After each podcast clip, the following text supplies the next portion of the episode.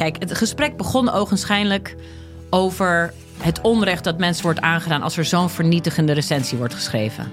En wat dat met mensen doet. Ja. Daar leek het gesprek over te gaan. Maar gaandeweg, en dat is dankzij goed redactiewerk van mijn eh, redacteur destijds, blijkt dat die test niet deugt. Via podimo.nl slash gonzo luister je de eerste 30 dagen gratis naar Podimo. podimo.nl slash gonzo. In de podcast Radio Romano met Noortje Veldhuizen Met Marcel van Roosmalen. En met Roelof de Vries. brengen we alle drie elke week een zogenaamde signalering mee. Wat heb jij nou weer bij? En aan het eind bepalen we wie de winnaar van de week is. Echt een angstcultuur Lege huls die je er bent? Ja, dat gaat eigenlijk altijd onvriendelijk. Luister nu naar Radio Romano bij Podimo. Via podimo.nl slash Radio Romano luister je 30 dagen gratis. Toen hadden ze dus gekalkt op de muren. Kdi, kdis netet, kdo, kdis nami. Als we dit ooit moeten doen, waarom nu dan niet? En als we ons afvragen wie het moeten doen, waarom wij dan niet? Dit is Betrouwbare Bronnen met Jaap Jansen.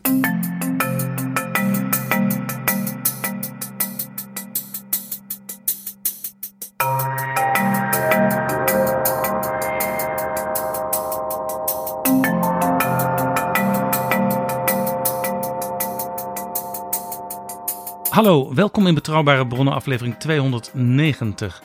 En welkom ook PG. Dag Jaap. PG, we staan aan de vooravond van Prinsjesdag en de algemene politieke beschouwingen. Maar, zoals wij vaak zeggen in Betrouwbare Bronnen, binnenlands beleid is ook Europees beleid. En omgekeerd Jaap. Europa is ook binnenland. Want vlak voor Prinsjesdag spreekt Ursula von der Leyen haar State of the Union. Aanstaande woensdag 14 september doet ze dat. En op dit moment, op de dag dat deze aflevering uitkomt, zijn de energieministers van de Europese Unie bijeen, onder wie natuurlijk Rob Jetten, om eh, zich bezig te houden met de prijs van de energie en de verdeling van de energie over Europa. Want het Tsjechisch voorzitterschap heeft op zeer korte termijn het initiatief genomen met de Europese Commissie ook. Maar het voorzitterschap is natuurlijk dan leidend om een soort noodtop te organiseren in Brussel met al die ministers. Om te zeggen, elk land worstelt hiermee, dit moeten we samen doen. En Olaf Scholz, de bondskanselier, heeft een belangrijke reden gehouden in Praag. En er wordt nog meer gedaan in Europa. Bijvoorbeeld Wopke Hoekstra, onze eigen minister van Buitenlandse Zaken, heeft ook een reden gehouden in de Pieterskerk in Leiden. Want die sprak als oud-voorzitter van Minerva bij zijn alma mater, de Leidse Universiteit, bij de opening van het academisch jaar. En gaf daar een indringende en ook hier en daar wat sombere, maar wel krachtige speech als minister van Buitenlandse Zaken over de plek van Nederland in de wereld. En al die ontwikkelingen in Europa en wat dit allemaal betekent voor Nederland, te beginnen op Prinsjesdag en bij de algemene beschouwingen. PG, we hebben een nieuwe vriend van de show, Freddy. maar we hebben ook een aantal eenmalige donaties binnengekregen afgelopen week. En die zijn gekomen van Anthony, van Ralf, van Dirk Jan en van Willem. En we zijn jullie allemaal weer zeer erkentelijk. En inmiddels hebben we bijna 700 vrienden van de show.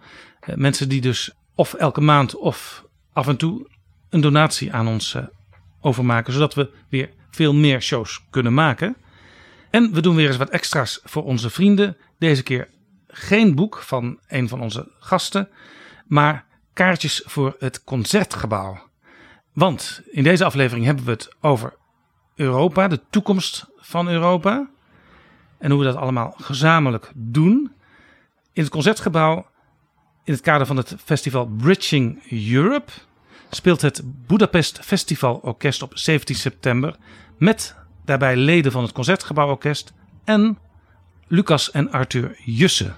Met als dirigent de grote dirigent die veel op het concertgebouworkest dirigeert, Ivan Fischer.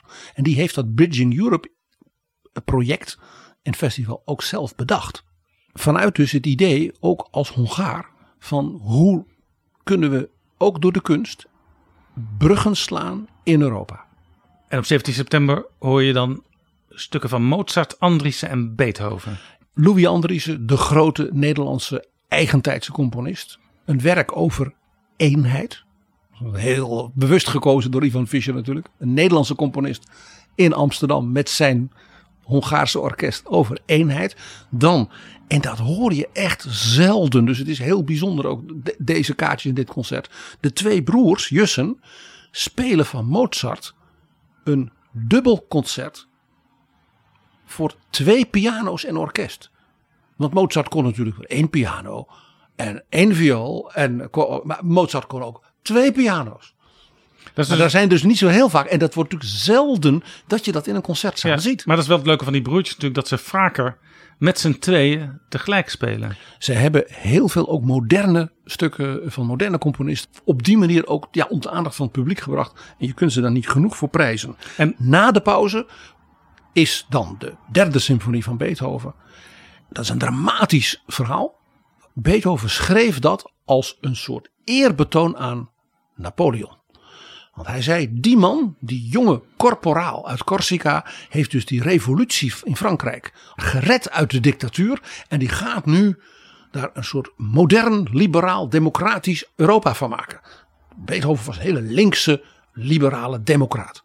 En terwijl die bijna klaar was met die compositie, wat dus een portret is, een soort eerbetoon aan Napoleon, wordt bekend dat Napoleon zichzelf tot keizer van Frankrijk wil uitroepen. En Beethoven, die dus dat keizerschap daar in Wenen dat allemaal zo vreselijk vond, heeft toen, dat kun je ook zien in het origineel van de partituur, met zijn pen heel fel de hele tekst doorgekrast waarin is, hè, dus dit is gewijd aan Napoleon Bonaparte en dit. En sindsdien heet dus die symfonie de Eroica, dus opgedragen aan heldendom. En niet meer aan Napoleon. Want Beethoven vond dat een Europese heerser moest bijdragen aan vrijheid, democratie en niet aan onderdrukking.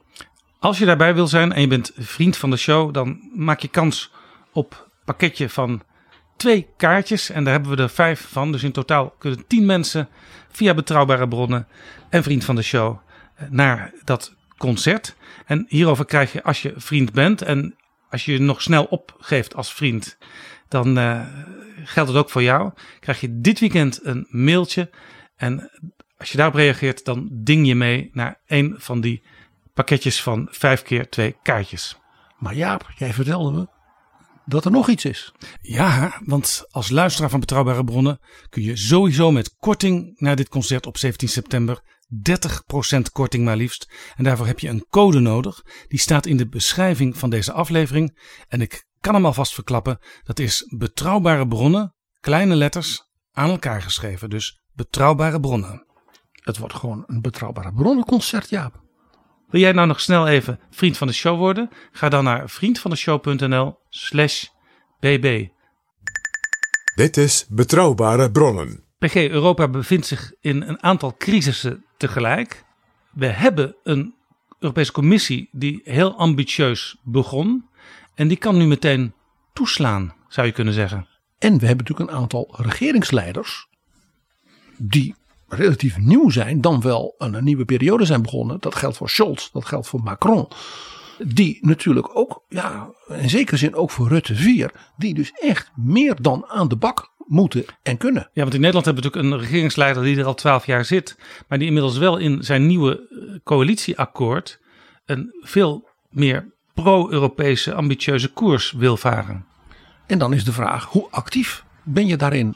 Dat geldt ook voor Scholz. Die had in het regeerakkoord met de Groenen en de Liberalen natuurlijk een heel opvallend activistisch, positief Europees verhaal staan. En eigenlijk, mede door de oorlog in Oekraïne, hebben we daar niet zo heel veel meer van gehoord. Nou ja, hij kwam natuurlijk door die oorlog in Oekraïne op zijn Zeitenwende. Dus een grote omwenteling die een nieuwe koers vereist voor Europa en met name ook voor Duitsland zelf. Maar dat betrof vooral in die speech de defensie.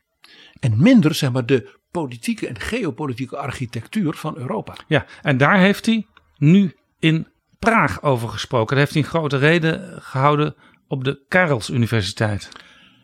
En dat is natuurlijk leuk, want Jaap, in de editie van Betrouwbare Bronnen over het Tsjechisch voorzitterschap hebben wij het ook toch best uitvoerig gehad over die Karel. Keizer Karel IV, hè, prins Waatslav, hè, die dus in Parijs met de koning van Frankrijk als een soort adoptiefzoon werd opgeleid in ja, ja, sublimeersen en stijl. En daarna keizer van Duitsland werd en een van de grote mensen van de middeleeuwen, ook van de middeleeuwse cultuur werd. En ook zelf ja, een soort autobiografie schreef als eerste heerser in het Europa van, van, van, van ja, na het jaar duizend. En het leuke is dat Scholz in die speech ook heel uitvoerig als ja, leider van Duitsland van nu terugblikt op de bijzondere rol en dus band van de Duitse cultuur en de Duitse geschiedenis en politiek. Dus met deze universiteit en met de stad Praag via allereerst natuurlijk deze grote keizer Karel IV en daarna die vele mensen, waaronder door hem natuurlijk genoemd Frans Kafka. Wir müssen das Gewicht des geeinten Europas noch viel stärker zur Geltung bringen. Zusammen haben wir die allerbesten Chancen, das 21. Jahrhundert in unserem, im europäischen Sinn mitzuprägen und zu gestalten. Als Europäische Union aus 27, 30 oder 36 Staaten mit dann mehr als 500 Millionen freien und gleichberechtigten Bürgerinnen und Bürgern, mit dem größten Binnenmarkt der Welt, mit führenden Forschungseinrichtungen und Innovationen und innovativen Unternehmen, mit stabilen Demokratien, mit einer sozialen Versorgung und einer öffentlichen Infrastruktur, die ihresgleichen zoeken auf der Welt. In de beschrijving van deze aflevering staat een link naar die reden van Scholz. Een hele lange tekst. Maar wat dacht jij, PG, toen jij Scholz die reden hoorde uitspreken? Ik dacht twee dingen. Eén, Scholz die gebruikt dat pro-activistische Europees gezinde regeerakkoord van hem om als het ware zeggen, ja, dat gaan we nu met verdubbelde kracht doen. Daarmee trekt hij dat aspect van leiderschap naar Olaf Scholz toe. Want tot nu toe was het toch vooral uh, zijn vice-kanselier Habeck en mevrouw Beerbok als minister van Buitenlandse Zaken. Ja, twee van de Groenen. Van de, de twee leidende figuren van de Groenen en daarmee van de concurrerende partij. Ja, die middenlinks. Ook, die ook hoger staat in de peilingen dan de partij van Scholz. Die ook opvielen door hun heldere uh, en, en krachtige toon zonder te polariseren, maar juist te verbinden. Nou en dat men Olaf Scholz en ook zijn SPD-ministers eigenlijk een nummertje te klein vond tot nu toe. Het interessante is van de Groenen, daar moeten we misschien nog eens weer eens een keer een aparte aflevering over maken. Is dat die twee leiders, Habeck en Baerbock, een aantal taboes binnen de eigen partij ter discussie hebben gesteld. Juist gedwongen door de crisis waar we nu in zitten. En dat doen ze op zo'n manier dat ze er nog heel veel waardering voor krijgen. Ook buiten hun hardcore eh, electoraat ook. Vandaar dat ik al eens heb gezegd: uh, hoe, hoe wordt Rob Jetten de Robert Habeck van Holland? Dat is precies hierom. Nou, interessant is dat Scholz zegt van we hebben heel lang in Europa natuurlijk die scheuring gehad. Dat ijzeren gordijn dat ook Duitsland verdeelde. Dat is weg. Praag hoort nu ook weer, de, de mooiste stad van Europa, zonder enige twijfel. Hoort ook weer bij Europa, is ook weer het hart van Europa. En dan zegt hij, maar is wat er nu gebeurt niet in feite een ja, prolongatie van die vroegere scheuring door Europa. In deze dagen stelt men opnieuw de vraag waar in de toekomst de scheuringslijn loopt tussen dit vrije Europa en een neo-imperiale autocratie. Daarom sprak ik van een Zeitenwende. Hij bedoelt dus de invloedssfeer van Moskou als het ene deel van Europa en de Europese Unie en haar bondgenoten als het andere deel. Ja, in zekere zin is deze speech van Scholz een variant van die beruchte speech van Churchill in Fulton, Missouri. From Stettin in the Baltic to Trieste in the Adriatic, an iron curtain has descended across the continent. Behind that line lie all the capitals of the ancient states of Central and Eastern Europe. Warsaw, Berlin, Prague, Vienna, Budapest, Belgrade, Bucharest, and Sofia. All these famous cities and the populations around them lie in what I must call the Soviet sphere. En hij zegt, hij zei eigenlijk is er een nieuw ijzeren gordijn. En de oorlog van Poetin is in feite een poging dat ijzeren gordijn naar het westen te verschuiven. Daar zeg je nogal wat PG Olaf Scholz, die toch niet bekend staat als een groot orator, als de Winston Churchill van onze tijd. Ik denk dat de Duitse sociaaldemocraten rode rozen bij mij thuis gaan laten bezorgen voor dat compliment, Jaap. Maar er is meer. Want bij alle grappen, Scholz reden is zeer belangrijk en ook heel Duits, want hij is zeer uitgebreid. Alle onderwerpen worden behandeld. Dus een aantal daarvan is het goed om die natuurlijk aan te stippen. Dus dat gaan we doen. Ja, bij een print is, is 13 pagina's in kleine letters en korte regelafstand. En met hele uitvoerige historische beschouwing aan het begin en ook weer aan het eind. En nou ja, zeer gedegen Duits. Maar er is meer. Duitsland is echt aan het bewegen. Om een voorbeeld te geven. Binnen de Europese Centrale Bank was het toch altijd zo. De Duitsers, dat was, die zaten op de rem. En de Fransen, die wilden gas geven. Namens de Club Met, zoals dat werd genoemd. En dan eh, was het fijn als die wat kleinere landjes. Oostenrijk, Finland, Nederland. Als die dan ook een beetje streng waren.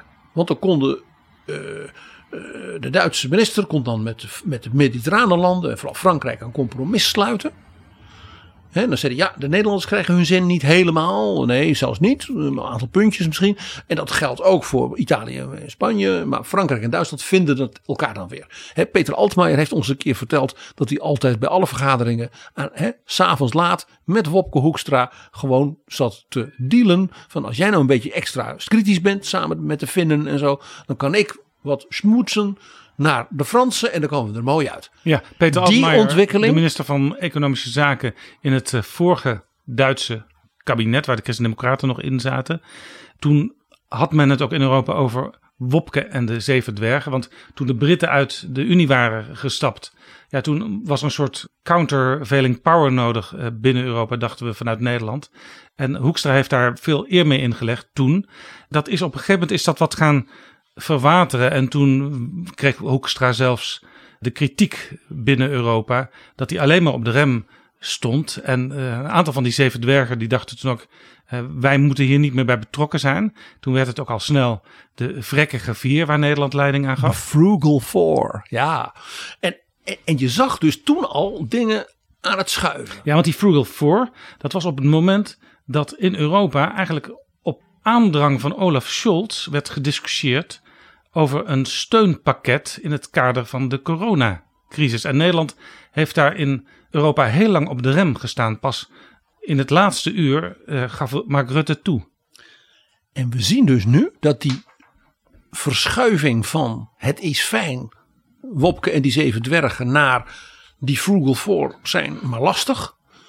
Inmiddels er een, een nieuwe schuif is, namelijk dat Duitsland zegt, nou binnen de ECB behoren wij tot de landen die bereid zijn tot een genuanceerde aanpak, waarin we ook investeringsaanpak en niet alleen maar op de rem trappen en we mevrouw Lagarde en haar mensen als het ware de ruimte geven om ook nieuwe instrumenten te ontwikkelen. Ja. En daarbij heeft men dan Nederland en zijn dwergjes dus niet meer zo nodig. Nee. Dit heeft dus voor de positie van Nederland, zowel ten opzichte van Duitsland als de positie van Nederland in de eurozone en de ECB. Dus potentieel enorme consequenties. Ja, want Klaas Knot zit ook in het eh, grote bestuur van de Europese Centrale Bank. En uh, ja, die stond altijd zij aan zij met, met Duitsland, met de Duitse vertegenwoordiger. En de Oostenrijkers. Dat, zal, dat zal nu niet altijd automatisch meer zo zijn. Nee, als de Duitsers in de lijn van Draghi hè, in Italië en met Macron en de Spanjaarden hè, dan krijg je misschien wel Christine met de vier reuzen in plaats van Wopke met de zeven dwergen. Ja, overigens is er op de ECB wel veel kritiek op momenten. Bijvoorbeeld uh, Sylvester Eifinger, die een paar keer ook in Betrouwbare Bronnen te gast is geweest. Die zegt de bank doet te weinig en te laat om die inflatie te temmen. Uh, ze hadden die rente wel, wel sneller kunnen verhogen. Kunnen ze alsnog uh, doen. Duitsland beweegt nog meer.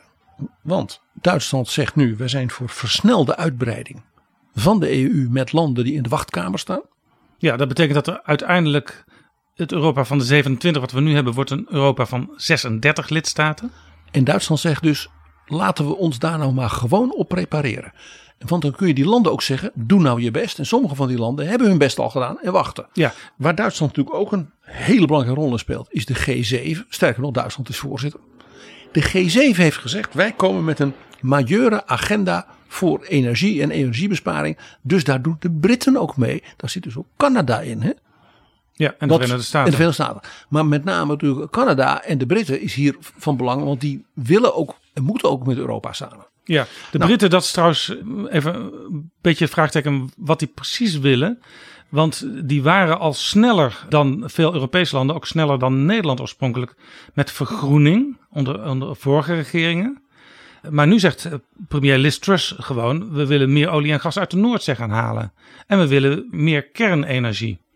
Nou ja, daar zal Liz Truss misschien wel op één lijn zitten met bijvoorbeeld Macron. Dus die G7 die beweegt dus los van de EU. Maar daar zitten natuurlijk vanuit de EU niet de minste in. Dat zijn Italië, Frankrijk en Duitsland. Dus drie van de zeven is EU. Nou, dat betekent dus voor een land als Nederland dat je, ja, onaardig gezegd, een beetje moet oppassen. Dat je dus niet door die drie, door die groten, net als met Spanje erbij, zelfs in de Europese Centrale Bank, voor voldongen feiten wordt gesteld. Met dank aan Justin Trudeau en Liz Truss. Ja, daar moet Rob Jetten eh, vandaag al in conclaaf met zijn collega-ministers eh, grote stappen zetten. Om, om die G7 ook een beetje voor te zijn. En daarom ook dat dus de Tsjechen die ingelaste top hebben georganiseerd van de energieministers. En in feite een nogal gedurfd eh, eh, stuk hebben laten lekken, om maar even zo te zeggen. Eh, waarbij eigenlijk wordt gezegd, ja, Europa moet gewoon versneld een soort energieunie gaan worden. Ja, dat is een, een, een, draftstuk eh, van 4 september wat we hier voor ons hebben liggen. Ja, Presidency Background Paper. jij zult mij vergeven dat ik onmiddellijk toen ik dat las, eh, met mijn geheugen terug was in het jaar 2010, dat ik de 85-jarige Jacques Delors sprak en die tegen mij zei. Wij hadden al lang een energieunie moeten hebben. Want chez monsieur Poutine, zoals hij dat zei, nous sommes la demandeur. Wij staan met de pet in de hand. Ja, hij zag dus al waar het eh, fout kon gaan. En toen zei hij, ieder land ga- gaat voor, op, z'n- ga zelf daar in, in het Kremlin smeken. En toen zei hij, met die felheid, die Delors, 85, maar hij was nog niks eh, kwijt. L'union fait la force. Eendracht maakt macht. En als je toch in het Frans praat, PG. In Europa is eh, Emmanuel Macron natuurlijk een, een idealist. Hè? Die heeft altijd grote plannen, grote eh, structuren ziet hij voor zich. Hoe staat Scholz daar tegenover? Nou, je zult dus merken dat Scholz, ik zeg het een beetje, een beetje raar, echt de opvolger van Angela Merkel is. Niet zo wild, amico. Nee, beetje traag ook. Beetje kalm, beetje ingetogen. Heeft hij soms ook last van, hè? want wij hebben al een aantal keren in onze afleveringen geroepen. Waar blijven de Duitsers met al hun grote plannen uit het regeerakkoord? Nou, vandaar die speech. Ze hebben Duitsland goed geluisterd, zullen we maar denken. Maar er is natuurlijk nog een ding wat, wat, waar Europa natuurlijk fundamenteel aan het veranderen is. En dat is alles rond defensie. De uitbreiding van de NAVO met Zweden en Finland heeft natuurlijk enorme consequenties ook voor de defensiesamenwerking in Europa. Want juist de Zweden, de Finnen en trouwens ook de Denen zeiden altijd ja, in Europa dat moeten we maar niet doen. En nu zeggen die landen, ook de Denen, dat moeten we wel doen. Ja, nu zeggen ze, het gaat gelijk op. Europese defensie en NAVO-kracht, dat kan elkaar versterken. En het meest interessante is dat de op dat punt altijd afhoudende Fransen in de traditie van de Gaulle dit ook zeggen. Dus dat betekent dat de meer neutraal gezinde Scandinavische landen, ja, Noords, en Frankrijk gaullistisch, in feite hun oude scepsis op dit punt hebben opgeheven. De consequenties hiervan zullen de komende paar jaar, en zeker op langere termijn, ongekend zijn. Bijvoorbeeld op het punt van de, van de ruimtevaartinspanningen, cyberwar en dergelijke. Maar toch nog even die vraag, eh, PG. De grote vergezichten van Macron. En nu die reden van Scholz. Wat zegt Scholz over de nabije toekomst? Scholz begint in zijn Praagse reden met iets wat mij ja, vanuit de Duitse politiek en geschiedenis zeer trof. Hij zei: Wij moeten een herdefinitie brengen van het lange termijnbeleid van Duitsland. En dat kan alleen als we dat Europees doen. Duitse buitenlandse politiek, ik ben hier in Praag, is niet iets dat losstaat van Praag. De geschiedenis niet, hè? maar ook in de toekomst niet. En hij zegt: Ik ben een man van de realpolitiek. Dus hij zegt daarmee, ook als SPD-man: Ik ben meer een Bismarck en een Merkel dan een Willy Brandt. En dan komt iets heel slims. Hij zegt: Maar realpolitiek is niet wat het was in de 19e eeuw. En misschien ook zelfs wel niet wat het was nog tot de inval van Poetin in Oekraïne, dus in de Merkel-benadering. Ja, nou ja, als je over de 19e eeuw praat, dan was het ook vaak een hele cynische visie op de werkelijkheid, hè, die realpolitiek. Machtsevenwicht. Landen tegen elkaar uitspelen. Dus Scholz zegt: Ik ben een realpolitiker op wereldschaal, hè, vanuit Europa gezien. Maar ik heb een nieuwe definitie. Laten we even luisteren naar Olaf Scholz. Realpolitik im 21. Jahrhundert heißt nicht, Werte hintanzustellen und Partner zu opfern zugunsten fauler Kompromisse. Realpolitik muss heißen, Freunde und Wertepartner einzubinden, sie zu unterstützen, um durch Zusammenarbeit stärker zu sein im globalen Wettbewerb. Realpolitik in de 21ste eeuw betekent niet waarden opzij zetten of partners opofferen ten gunste van slappe compromissen. Realpolitiek moet betekenen dat je vrienden en partners die de, de waarden van jou delen, bindt in het geheel. Dat je ze ondersteunt en in de globale concurrentie door samenwerking sterker zult zijn. Hij neemt dus afstand eigenlijk van dat 19e eeuwse realpolitiek begrip. En hij zegt eigenlijk wat je ook wel in het Nederlandse coalitieakkoord uh, leest. Uh, de realiteit dwingt ons ertoe om in Europees verband heel stevig samen te werken. Want dat is een belang ook van Nederland. Maar let op de woorden die hij gebruikt. Hij heeft het over weertepartner. Dus dat zijn partners die jouw waarden delen. En dan moet je dus denken aan Oekraïne, aan Moldavië, maar ook aan Justin Trudeau en misschien zelfs wel weer met de Britten.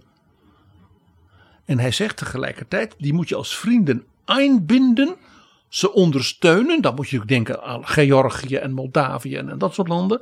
En in de mondiale competitie, globale wedwerf, door samenwerking sterker zijn. En daarin is hij dus wel weer Bismarck. Dit is interessant, PG, want uh, jij noemt dus Scholz uitleggend landen ook erbij die in de schil om de huidige Europese Unie liggen. Zowel potentiële lidstaten zoals Oekraïne en Moldavië, als uh, de Britten die eruit zijn, maar ook onze Amerikaanse en Canadese vrienden. En hij noemt zelfs op een bepaald moment nadrukkelijk Japan, Zuid-Korea, Singapore, Taiwan. Heb je dus in ieder geval ook de hele G7 eh, erin, plus nog meer. Eh, maar dit doet me ook weer een beetje denken aan dat idee wat Macron gelanceerd heeft. Om over een breder Europa ook na te denken en ook daarin eh, samen te komen. Uh, misschien wel een structuur te maken, want dat is natuurlijk heel erg Macron. En Olaf Scholz zegt iets anders. Hij zegt, ik wil eigenlijk heel pragmatisch te werk gaan. Realpolitiek. Het is toch raar dat wij elk half jaar, hè, nu u hier in Praag, de Tsjechen, een voorzitterschap hebben. En u organiseert van alles en dat wordt enorm gewaardeerd. Maar wat we niet doen, en dat zouden we moeten doen, is eigenlijk elk half jaar door dat voorzitterschap een intensieve summit. Hij zegt dus gewoon een topconferentie. Waarbij de EU al die weertepartner en vrienden. die bijvoorbeeld met de EU-lidstaten actief zijn in de Raad van Europa. Hij noemt zelfs de OVSE, hij noemt de OECD, hij noemt het Oostelijk Partnerschap. Dat is weer uh, nog andere landen, uh, zowel in de Caucasus van de EU. Hij noemt en, ook de Europese economische ruimte, waar bijvoorbeeld Zwitserland en Noorwegen in zitten. En IJsland zelfs. En de NATO. Oftewel Canada. En zelfs de Verenigde Staten. En is het eigenlijk moeten die gewoon elk half jaar als onderdeel dus van het voorzitterschapsprogramma van de EU bijeenkomen. Dus als daar in Praag en het volgende half jaar in Stockholm. Dus eigenlijk de EU als uh, regelmatige initiatiefnemer van ja, wat je zou kunnen noemen het volledige Westen. Van het democratische, vrijheidsgezinde en ook welvarende Westen. En die landen zoals Oekraïne, zoals Georgië en wat dan niet, die daar mentaal bij willen horen, daar ook echt voor kiezen. En die dan ook mee moeten kunnen doen in ja, die doorontwikkeling. En dus in dingen als het Erasmus-programma en dit, zodat zij ook welvarend worden. Ja, dat is dus interessant, want hij, hij heeft het dus niet over dat idee van Macron, maar in feite zet hij dit ervoor in de plaats. Ja, en hij verbindt het dus met andere grote wereldwijde uh, regelstelsels. Het is dus ook een manier om op deze manier de internationale rechtsorde van dat soort organisaties krachtiger te binden aan elkaar. Ik vind dit dus vanuit een aantal opzichten een hele interessante gedachte. Ik zat ook meteen te denken, er zijn ook organisaties bijvoorbeeld in Den Haag, denk aan de OPCW en, die, en, en Eurojust en dergelijke, dat je zegt, zelfs die uh, samenwerkingsverbanden zou je als het ware daarbij moeten betrekken. Scholz zegt dan vrij, ja, kort en bondig, hoewel het een lange verhaal is. Ja, dat betekent dus dat er een ander soort EU zal komen. Alleen al die halfjaarlijkse summit maakt al die bijeenkomsten anders. Dat kan niet anders. En hij zegt, ja, de verschillen zullen in Europa, als je dus al die landen bij elkaar brengt en met elkaar over die waarden praat en wat gaan we nu doen. Hij zegt, dan gaan de verschillen toenemen. En hij zegt letterlijk, Oekraïne is geen Luxemburg. En Portugal kijkt naar de uitdagingen van de wereld toch anders dan Noord-Macedonië.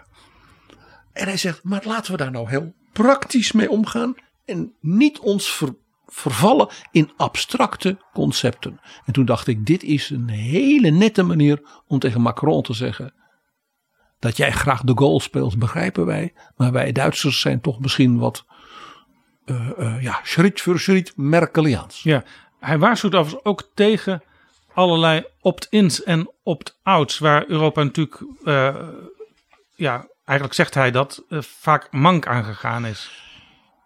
Van de concrete scherpte die in die speech zit, was dit een van de meest opvallende. Hij zegt: Kijk, wij zullen af moeten van dat je alles bij meerderheid moet beslissen.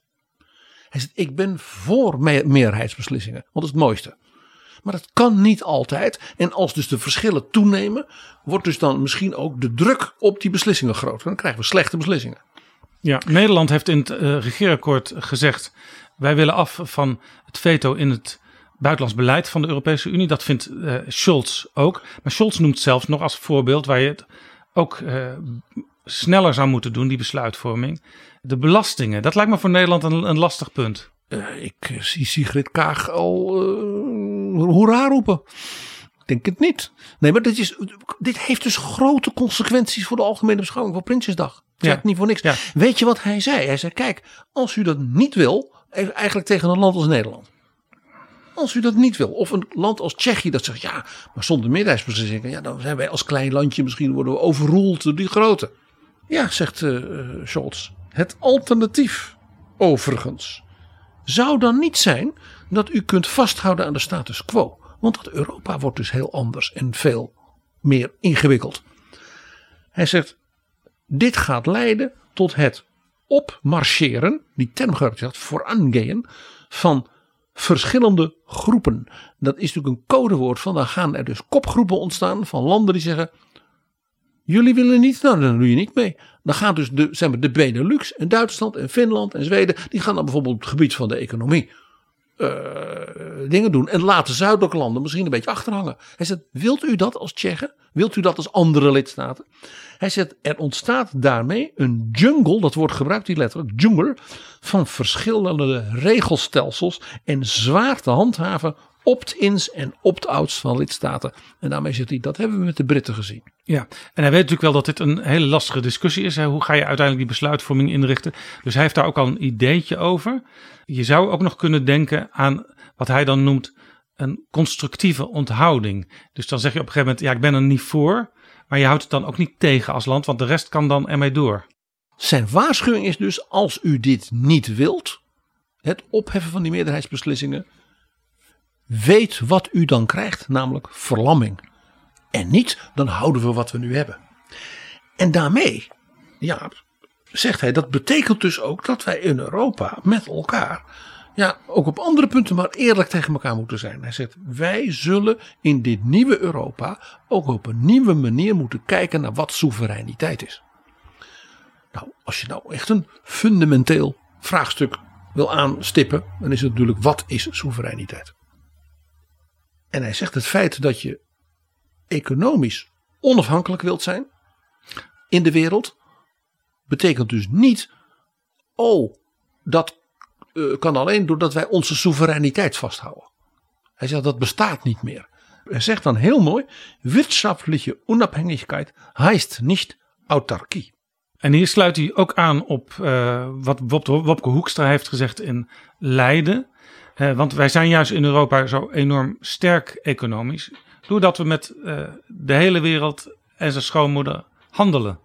En de hele wereld daarbij denkt: dat handelsblok EU is zo machtig. Hoe kunnen we het hen naar de zin maken?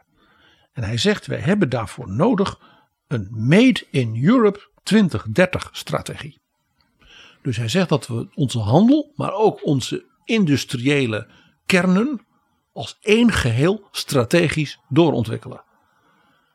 Dat kan natuurlijk alleen als er een echte lange termijn economische en dus ook financiële strategie voor Europa komt. Ja, dat betekent dus ook dat je als je als Nederland nadenkt over industriepolitiek, dat je dat eigenlijk meteen in een Europees kader moet doen.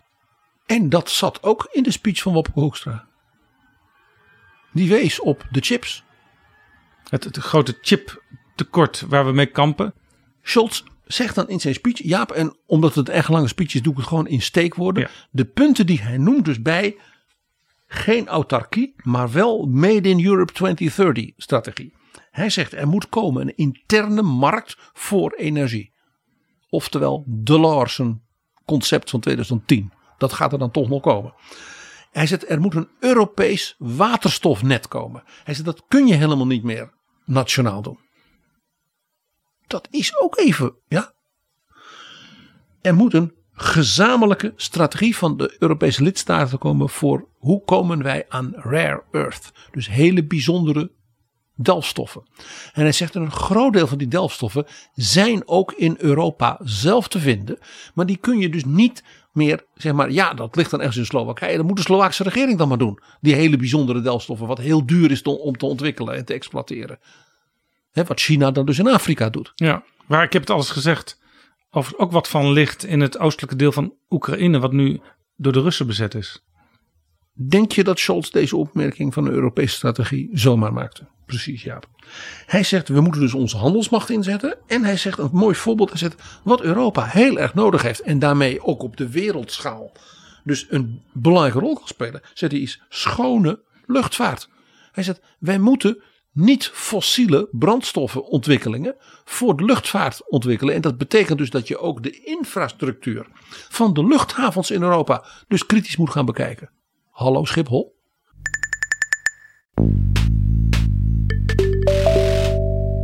Dit is Betrouwbare Bronnen, een podcast met betrouwbare bronnen.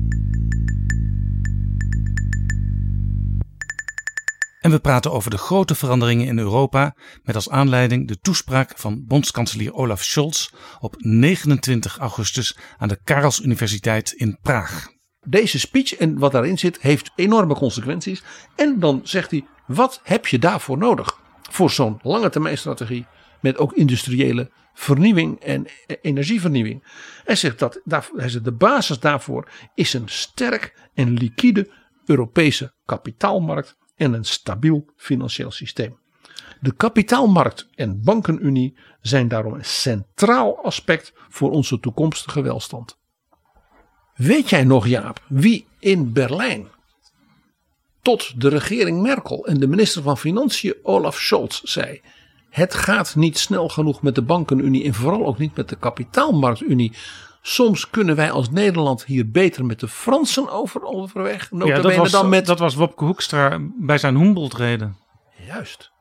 En daar heeft hij het ook betrouwbare bronnen nog over gehad toen. Exact. En Olaf Scholz geeft dus nu antwoord. En die zegt: Wopke, jij had gelijk. En nu ben ik kanselier en jij minister van Buitenlandse Zaken.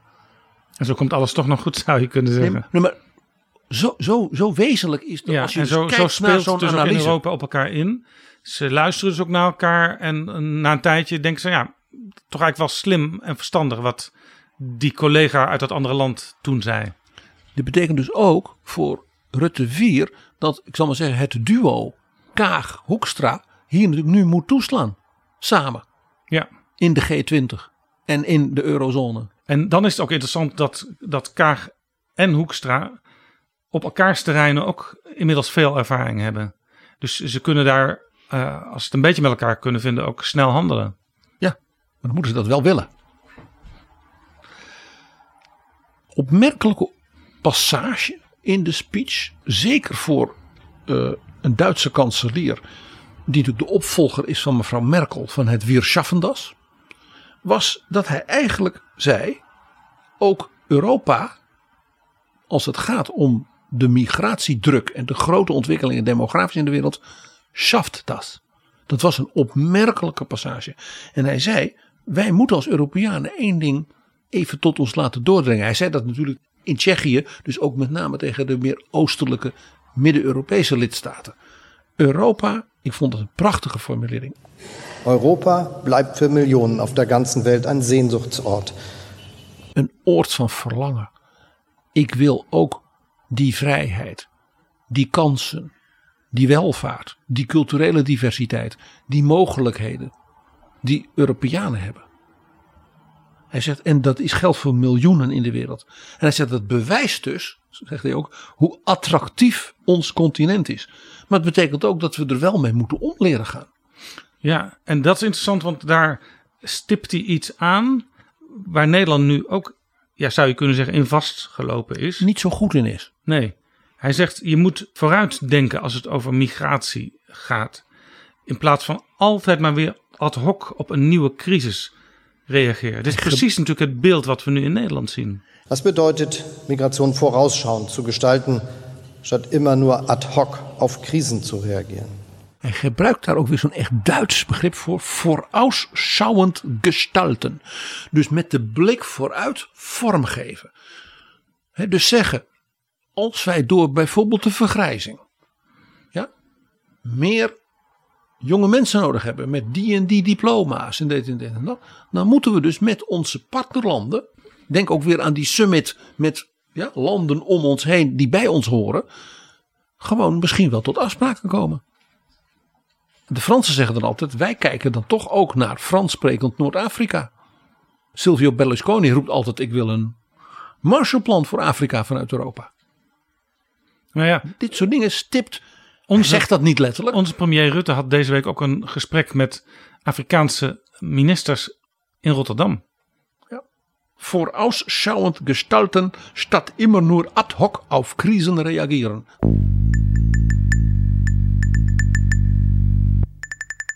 Jaap, als je als Duitse kanselier in Praag bent, dan kun je er natuurlijk niet omheen om te verwijzen naar ja, dat, die gezamenlijke ervaring van de Tsjechen en de Duitsers rond de val van de muur.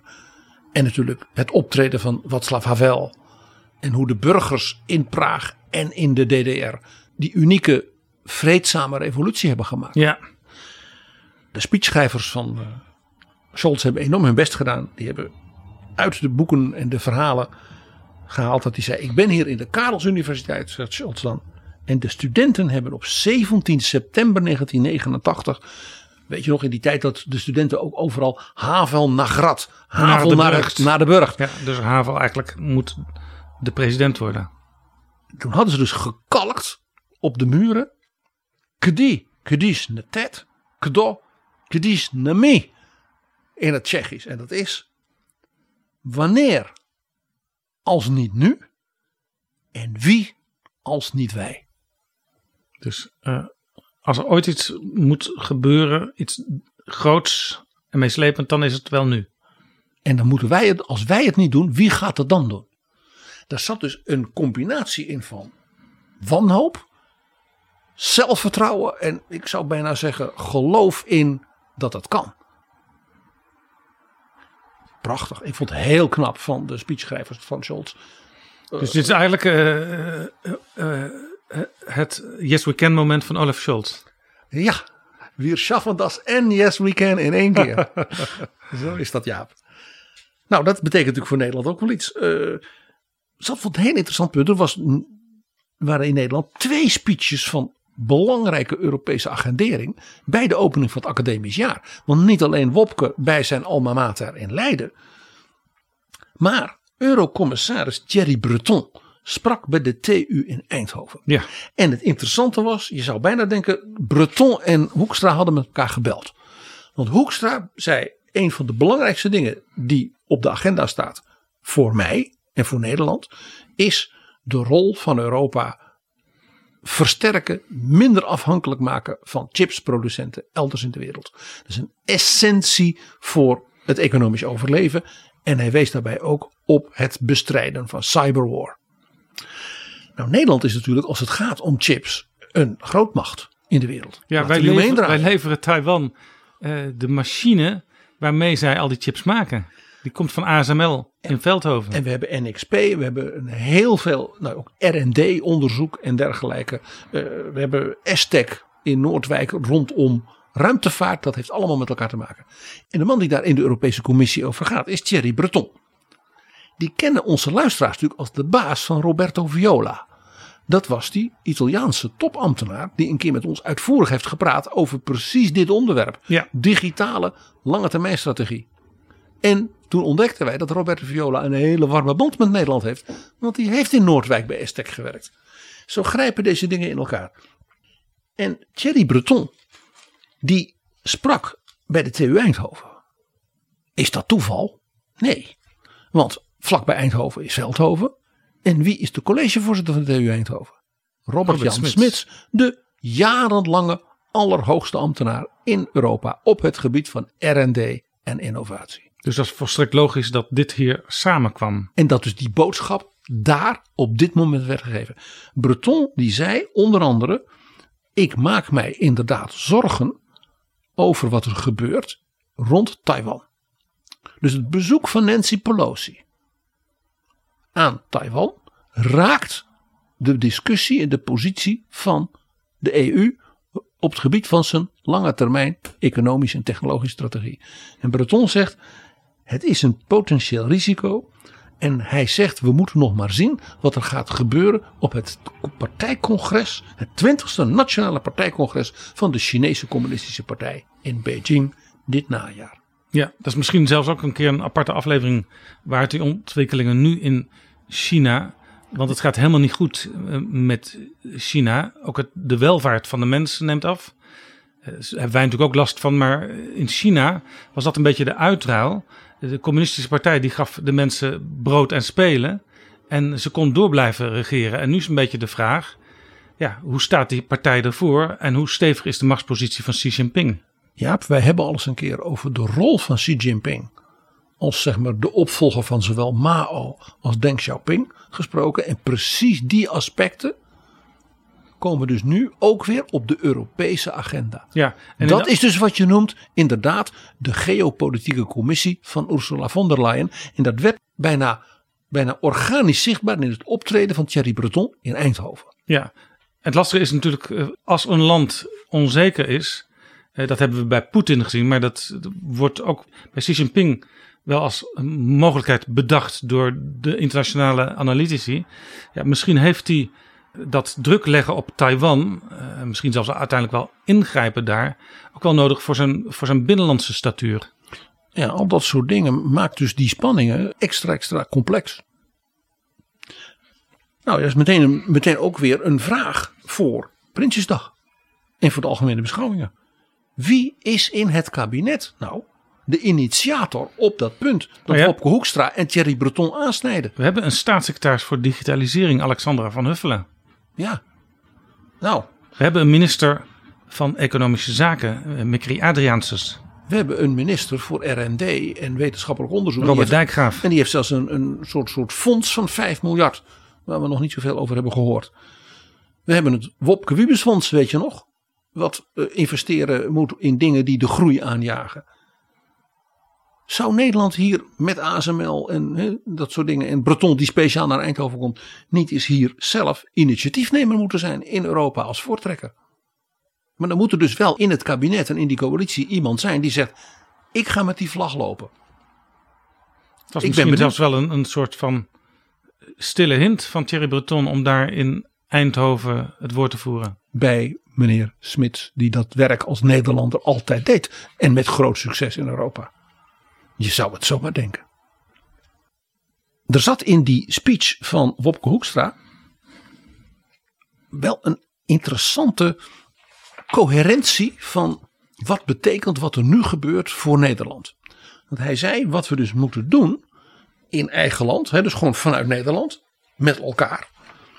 Uh, dat noemde hij nationale vastberadenheid. Er komen een hoop problemen op ons af. Economisch, uh, de inflatie, de energie. Uh, het is oorlog hè, in Europa. Nationale vastberadenheid. Ons niet van de wijs laten brengen. En daarbij moed vatten. Ja, Twee, daar noemde hij trouwens ook bij dat we de lasten van een exploderende energierekening samen moeten dragen. Dat is natuurlijk wel een punt in de discussie ook binnenlands met de bevolking. Want mensen hebben enorm last nu van die inflatie. Jazeker. En dat betekent ook dat dat dus een opmerking is die niet alleen maar gericht is op de coalitie. Dit is gericht op heel politiek Den Haag. En ook op de polder. En alle betrokkenen en verantwoordelijken. Nationale vastberadenheid. En hij zei Europese actiegerichtheid. Nou, zie het punt dat wat net aanstipte rondom uh, die chips. Actiegerichtheid. Nou, oké, doen dus. He, Scholz die ook zegt, gewoon een aantal, aantal dingen doen. Prachtige speech van Macron, abstracte concepties. Niks op tegen, maar wel doen. En het derde punt, dat noemde hij mondiale assertiviteit. Onze wereld schuift en helpt.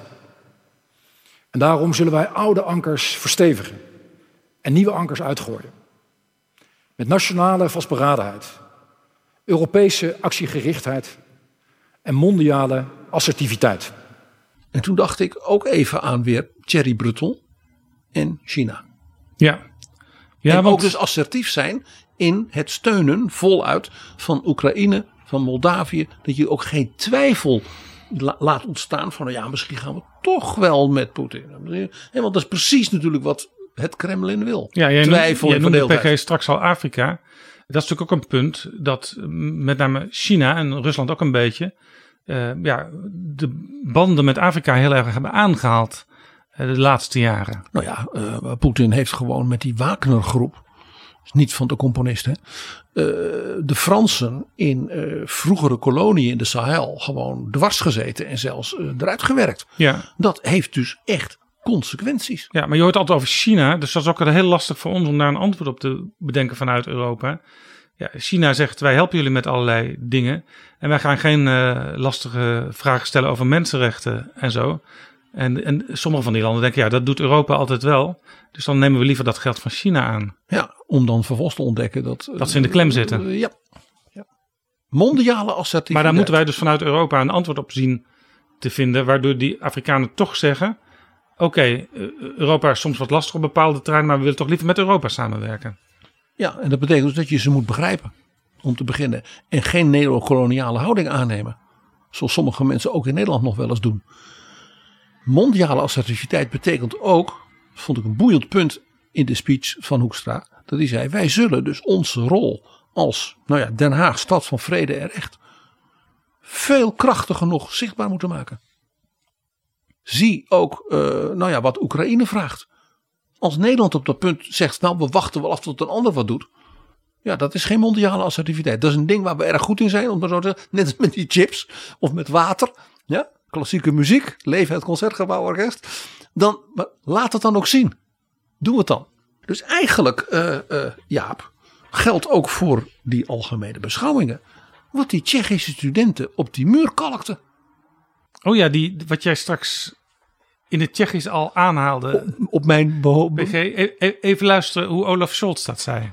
Gdi, gdyż netet, gro, gdyż nemi. In het Tsjechisch zijn het hele korte woordjes, PG, maar ik probeer het toch nog te vertalen. Als we dit ooit moeten doen, waarom nu dan niet? En als we ons afvragen wie het moeten doen, waarom wij dan niet? Hier klinkt dus enorme urgentie uit. Op Duits, wann wenn nicht jetzt, wer wenn nicht wir.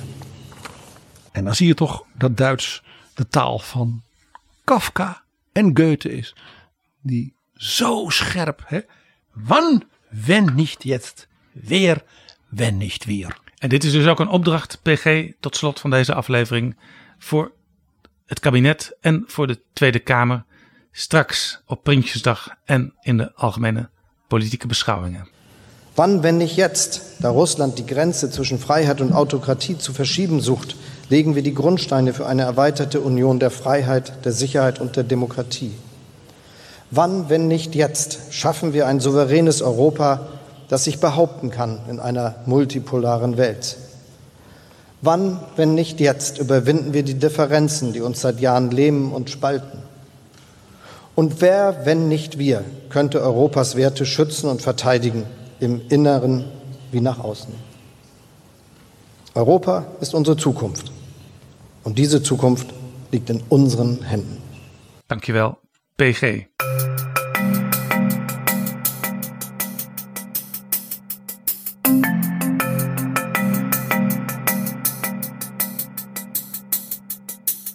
Zo, dit was Betrouwbare Bronnen, aflevering 290. Deze aflevering is mede mogelijk gemaakt door de Europese Unie en door de vrienden van de show. En voor vrienden van de show doen we deze keer iets extra's. Ik had het er al over in het begin van deze aflevering.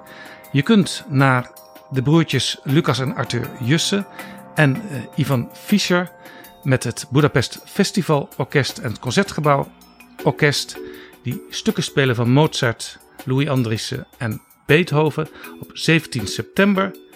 En dat kan als je vriend van de show bent door te reageren op een mailtje wat ik je dit weekend stuur.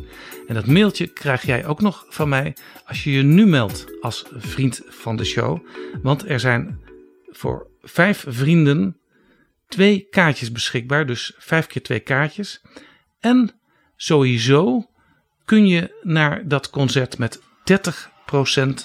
korting. En de link daarvoor staat in de beschrijving van deze aflevering. De code ook. En die is, je hebt het misschien al gehoord aan het begin van deze aflevering, betrouwbare bronnen aan elkaar geschreven in kleine letters. Met forse reductie, zoals de Vlamingen zouden zeggen, naar dat geweldige orkest met dat prachtige programma. Dus als je ons nou een beetje steunt met een donatie, en dat bedrag dat kun je zelf bepalen, dan maak jij kans op zo'n kaartje voor 17 september in het concertgebouw. En je kunt er in elk geval naartoe met forse korting van 30%. Ik hoop dat we u daar allemaal zien. En u zult genieten van dit prachtige concert. Gelet ook op het prachtige programma. Met als thema, heel erg pikant ook gezien deze aflevering, Bridging Europe. Tot volgende keer. Betrouwbare bronnen wordt gemaakt door Jaap Jansen in samenwerking met dag en nacht.nl.